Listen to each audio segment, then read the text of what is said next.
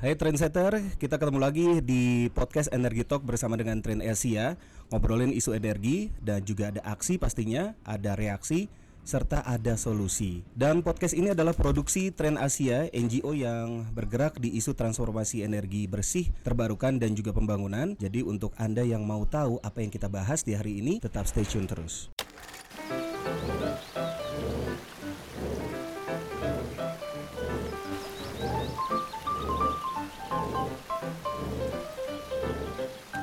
Trendsetter Aldi Putra di malam yang indah ini masih berada di Desa Winong, tepatnya di wilayah Cilacap, Jawa Tengah dan masih membicarakan tentang nasib warga yang berada di sini berdekatan dengan PLTU Batubara dan juga sudah merampas ekonomi, kehidupan mereka, kesehatan, dan juga mungkin sampai cita-cita dari setiap keluarga yang ada di sini. Di lain pihak kita harus positif thinking dan juga optimis. Salah satunya yang membuat warga Winong sendiri optimis dan masih terus berjuang adalah teman-teman dari LBH Yogyakarta. Dan malam hari ini sudah ada Mas Danang yang masih setia untuk mendampingi warga uh, Winong sampai dengan saat ini. Kalau boleh tahu mulai mendampingi warga Winong ini dari tahun berapa, Mas? Berarti teman-teman dari LBH? Kalau dari teman-teman LBH itu sebelum 2018 udah mulai masuk lah hmm. kayak gitu. Tapi intensitasnya itu kalau mulai naik-naiknya itu 2018. 2018 masuk ke sini apa yang membuat LBH Yogyakarta kalau dilihat dari uh, radius ini kan cukup jauh ya. Apa yang membuat LBH Jogja ini peduli terhadap Desa Winong? Oke, nah sebenarnya sangat cukup kaget ya bagi kami ketika awal-awal kemudian masuk di sini kayak gitu. Uh, kami kira kemudian uh, eh, PLTU itu agak cukup jauh uh, dengan warga kayak gitu. Hmm. Ternyata uh, kehidupan mereka itu seperti tetanggaan. Nah itu yang kemudian uh, cukup menjadi hal-hal yang sangat mendasar bagi kami uh, ketika kemudian melihat banyak masalah kayak gitu baik itu dari sisi debu atau kemudian uh, dari sisi kemudian kita bisa melihat uh, ada sutet-sutet yang punya tegangan yang tinggi terus uh, radiasi yeah. yang cukup buruk untuk bagi warga.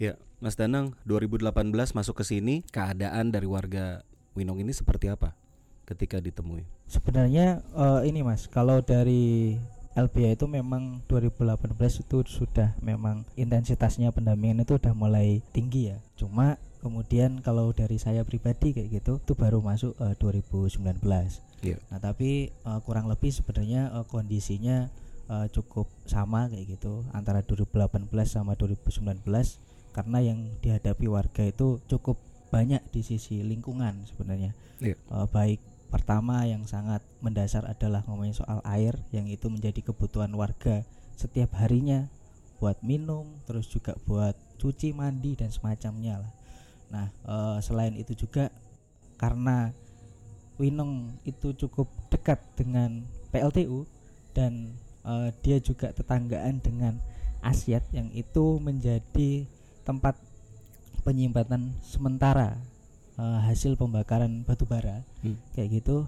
Nah, uh, hal itu juga uh, menyebabkan kualitas udara di Winong itu cukup uh, buruk bagi uh, kesehatan dari warga itu sendiri. Ya, kalau kondisi yang ditemui, apakah memang sudah banyak uh, warga yang terdampak dari sisi kesehatan per 2018-2019 dari LBH atau uh, seperti apa pendampingan LBH Jogja pertama kali masuk ke sini? Oke mas, uh, jadi awalnya kita melakukan uh, assessment sebenarnya, mencoba menilai uh, dari beberapa dampak itu, terus kita uh, mencoba mencari celah dari beberapa dampak itu. Nah, kalau pertama yang kemudian saat itu kami advokasi itu juga salah satunya adalah soal air kayak gitu. Air uh, warga mengalami krisis, kering kayak gitu, terus kotor. Nah, itu uh, ternyata pas waktu kita melakukan uh, audensi kayak gitu ke bupati. Nah, itu kemudian kita juga meminta adanya riset dari pihak luar hmm. uh, eh, PLTU uh, eh, soal kondisi air di sini dan ternyata uh, hasil riset itu menunjukkan bahwa uh, penyebab dari uh, air kotor terus air kering itu adalah uh, proses uh, pembangunan atau operasi dari PLTU itu sendiri atau kemudian dinamakan uh, dewatering. Nah, yang akhirnya uh, rekomendasi saat itu uh, apa namanya warga uh, mendapat uh, subsidi PDAM selama dua tahunan hmm. kayak gitu. Sekalipun kemudian uh, nominalnya itu tidak bisa mencukupi ini ya uh, apa namanya kebutuhan warga yeah. dulunya dia mendapatkan air itu gratis kayak gitu hari ini kemudian dia harus berbayar. Bayar. Uh, itu pun subsidi gitu. Nah, uh, selain itu misalnya kalau ngomongin soal kualitas udara, uh, kita bahkan mencoba mengecek-ngecek ya. Misalnya uh, dokumen yang paling dekat lah dengan PLTU itu kan uh, AMDAL. Yeah. AMDAL. Di AMDAL itu pun kita juga menemukan bahwa salah satu dampak yang cukup signifikan bagi warga itu adalah uh, kualitas udara yang itu menyebabkan uh, peningkatan ISPA nah di sekitar wilayah PLTU nah cuma kan kemudian uh, kita masih belum yakin nih kalau hanya itu dari dokumen AMDAL hmm. sekalipun hmm. itu sudah uh, nomenklaturnya itu buruk bagi warga kayak gitu. Yeah. Kita coba mencari pendapat-pendapat uh, lain, misalnya kita akses uh, ini apa data kesehatan di puskesmas uh, kesugihan. Nah itu kita temukan bahwa ternyata ada peningkatan uh, setiap tahunnya uh, pengidap ISPA dan ISPA itu menjadi salah satu uh, penyakit yang cukup tinggi uh, intensitasnya bagi uh, masyarakat di sekitar PLTU. Hmm. Nah, tapi itu datanya kan juga secara umum. Makanya kemudian uh, kami bersama teman-teman yang lain sama kayak Walhi juga, yeah. kita juga sempat uh, berkeliling di warga, uh, khususnya di Winong ya saat itu. Nah, uh, banyak cerita yang kemudian kami dapat ya warga-warga yang dia relatif dewasa, tua kayak gitu, dia banyak kemudian mengalami batu dan semacamnya kayak gitu. Nah, yang uh, sangat parah yang kemudian kita temukan uh, kita mencatat ada 13 anak. 13 anak itu yang uh, dia punya uh, penyakit pernapasan. Hmm. Nah, saat itu kan kita kurang tahu tuh ISPA itu apa aja sih kayak gitu. ISPA itu bentuknya kayak gimana. Yeah. Tapi dari catatan-catatan 13 anak itu yang kemudian dia sudah uh, sempat dapat diagnosa dari dokter, nah ada yang bronkitis dan semacamnya.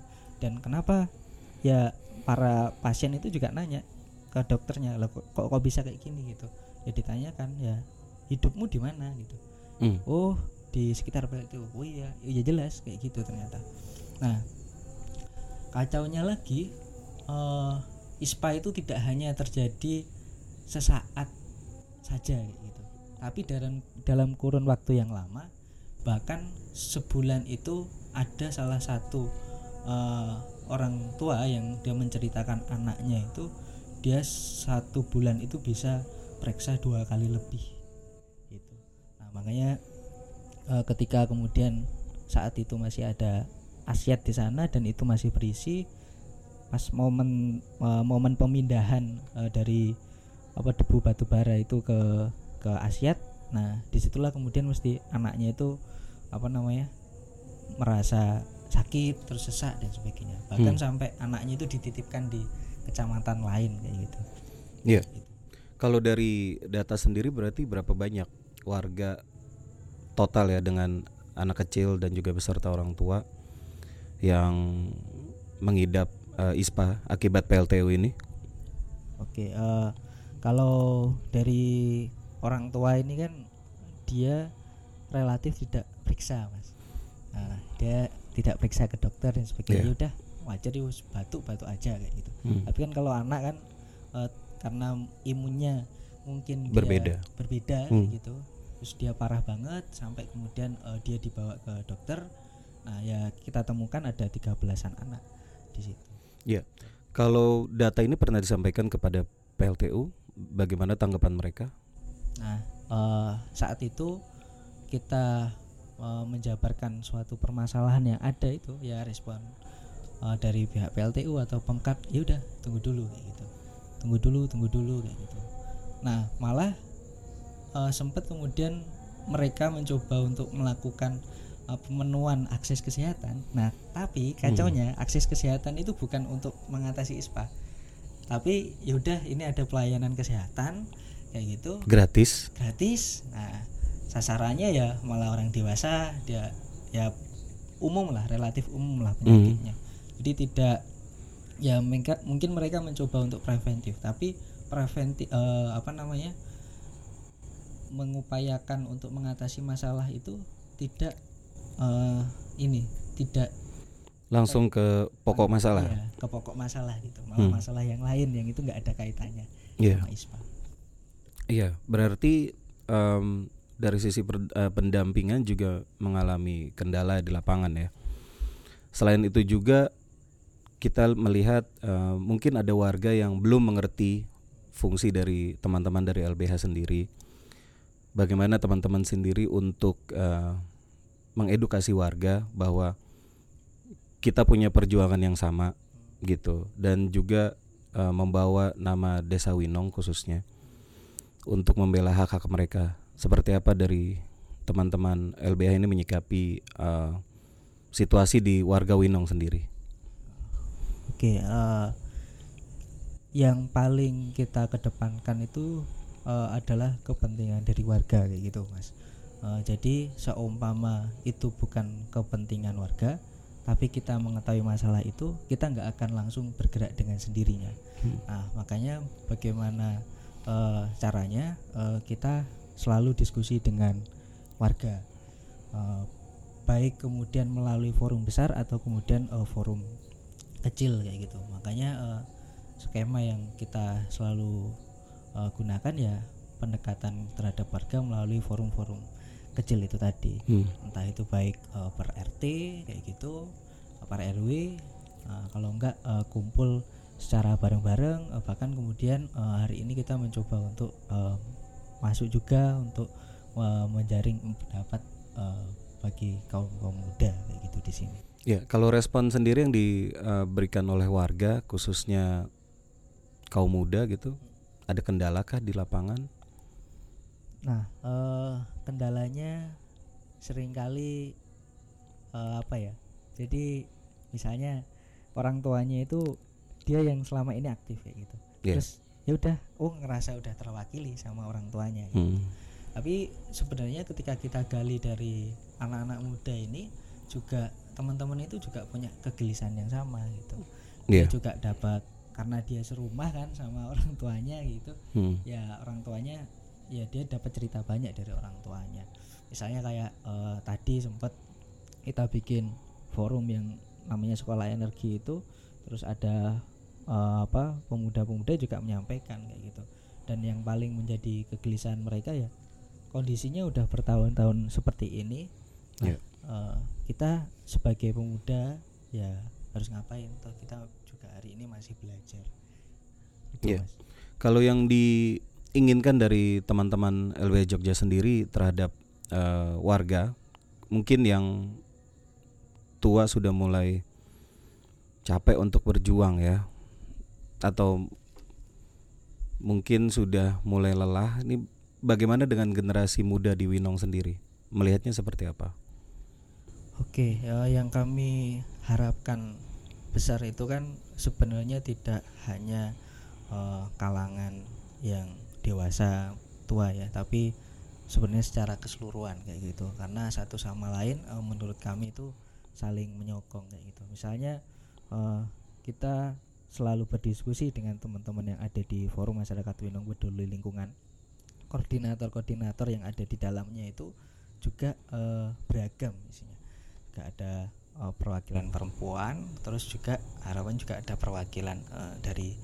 Laki-laki. Uh, Hmm. jadi uh, mau nggak mau ya uh, pemuda juga sebagai generasi penerus ya di sini kayak gitu dan hari ini benar-benar terdampak dan selalu uh, kalau di publik selalu diembel-embelkan oh ini generasi emas dan semacamnya kayak gitu Hmm. ya Ya. eh, mereka menurutku cukup menjadi salah satu generasi penting atau kalangan penting untuk menyuarakan haknya itu sendiri itu tidak hanya melalui orang tua gitu. Iya. Kalau yang paling dekat apa yang sudah direncanakan uh, terhadap pihak PLTU sendiri? Atau mungkin uh, pemerintah daerah gitu ada ada rencana dari teman-teman LBH untuk bertemu dengan mereka kembali uh, melakukan pembicaraan melakukan update yang terjadi di sini? Uh, kalau itu pasti kalau itu pasti gitu. Nah uh, bahkan bagaimana caranya uh, kemudian uh, apa namanya harapan-harapan warga ini terus kejelasan-kejelasan uh, atas pemulihan yang diharapkan warga itu uh, itu gimana caranya uh, terpenuhi sekalipun uh, banyak kendala ya karena uh, berbeda kepentingan dan berbeda arah tujuan yeah. uh, konteks pembangunan dan uh, konteks pertumbuhan ekonomi. Nah, uh, yang paling mengkhawatirkan hari ini kan sebenarnya uh, Winong ini sekarang juga masuk bukan lagi kalau dulu itu sini lahan pertanian kayak gitu. Yeah. Nah, sekarang itu sudah menjadi kawasan peruntukan industri. Nah, ini kan juga menjadi kekhawatiran warga. Uh, ke depan ya nasib warga itu mau seperti apa kayak gitu. Nah, itu uh, menurut kami juga uh, itu perlu diperjelaskan uh, kepada warga. Jangan sampai di tahap partisipasi aja hari ini uh, mereka sangat tidak melibatkan warga gitu. Hmm. Sampai berapa jalur kita tempuh bahkan uh, kepala desa kepala desa baik kepala desa hari ini atau sebelumnya dimintain konfirmasi soal uh, apa rencana kawasan peruntukan industri di, per, uh, di peraturan daerah yang baru itu RT RW itu ya mereka nggak tahu apa-apa kayak gitu nah ini kan uh, cukup aneh nah masa kemudian hari ini sudah ditetapkan kawasan peruntukan uh, industri ya warga ini juga tidak menjabat uh, kejelasan langsung hmm. uh, nasib mereka ke depan. Nah, makanya uh, kemarin dari kami dan diskusi dengan teman-teman walhi juga dan uh, teman-teman uh, dari forum itu yeah. kan juga bersepakat kemudian untuk mencoba melakukan audiensi dengan uh, pihak pemerintah kabupaten untuk memastikan ini nasibnya seperti apa karena uh, kabar hari ini yang kita dapatkan uh, bagian uh, kawasan peruntukan industri yang uh, apa baratnya PLTU itu sudah sudah mulai diajukan uh, sudah mulai ada sosialisasi uh, soal kawasan industri. Oke, okay. beberapa warga juga mungkin sudah mulai mengajukan ya um, tempat tinggalnya, tapi dengan bayaran atau ganti rugi yang tidak sesuai.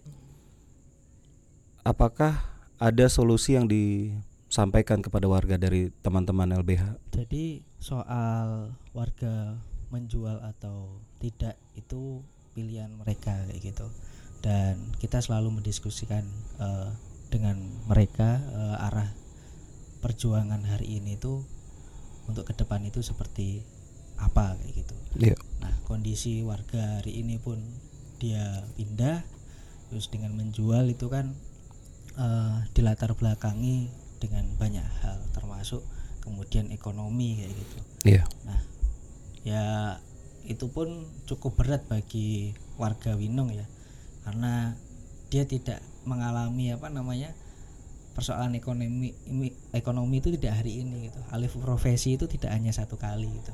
Tapi sebelumnya gitu, yang mereka dulu punya sawah terus hari ini kemudian terpaksa mereka alih profesi gitu terus juga hari ini terdampak abrasi dan sebagainya ekonominya juga uh, mengalami penurunan uh, mereka ya bingung dihadapkan seperti apa uh, ke depan gitu.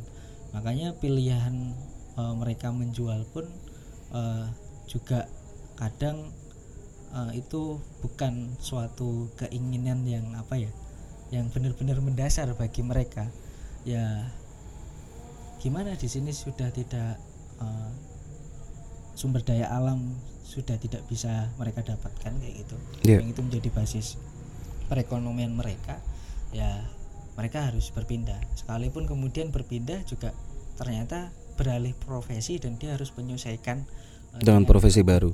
profesi baru nah uh, kita selalu mendiskus mendiskusikan uh, soal itu dan kita tidak uh, pernah melarang uh, untuk hal itu tapi kita selalu mencoba informasi yang jelas sebenarnya uh, tanah itu tanah ini tuh dijual kepada siapa sebenarnya nah apakah benar hmm. ke, uh, kabarnya kan kemudian itu uh, dijual kepada PLTU kayak gitu hmm. nah nah lalu kalau kemudian dijual PLTU hmm. apakah PLTU punya uh, hak untuk melakukan transaksi jual beli misalnya?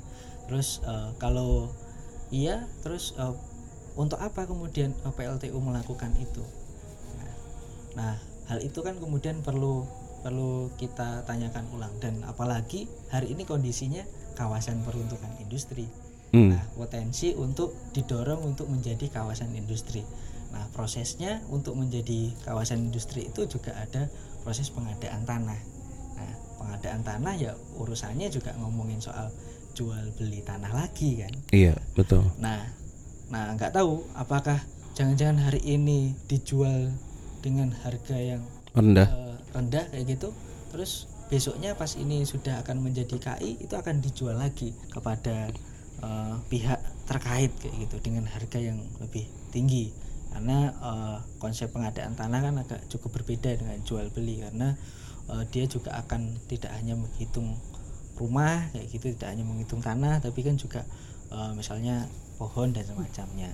Nah hal-hal itu yang kemudian uh, menurut kami perlu menjadi perhatian lebih. Kenapa kemudian uh, kami warga juga teman-teman wali juga mencoba untuk melakukan audiensi dengan pemerintah kabupaten biar mereka mendapatkan akses informasi yang cukup detail yang itu benar-benar uh, ke depan itu seperti apa. Jangan sampai kemudian ini adalah uh, permainan yang tidak jelas itu persoalan tanah gitu. Yeah. Karena kan ketakutan kami banyak di tempat-tempat lain kalau udah mau pengadaan tanah itu kan ada yang ada aja ya. Ada aja itu kan hmm. yang bermain itu kan soal tanah. Yeah. Itu Mas.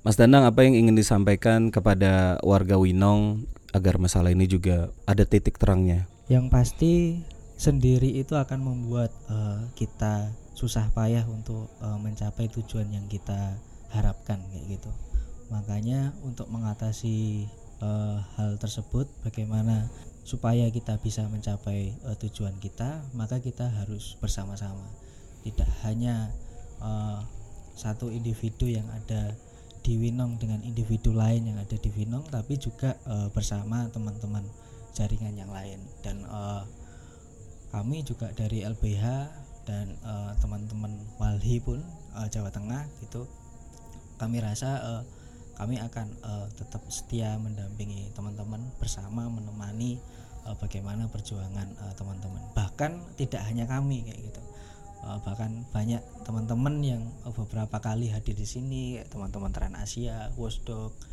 Greenpeace dan semacamnya lah. Uh, bahkan teman-teman mahasiswa itu juga uh, selalu turut uh, perhatian terhadap masalah ini.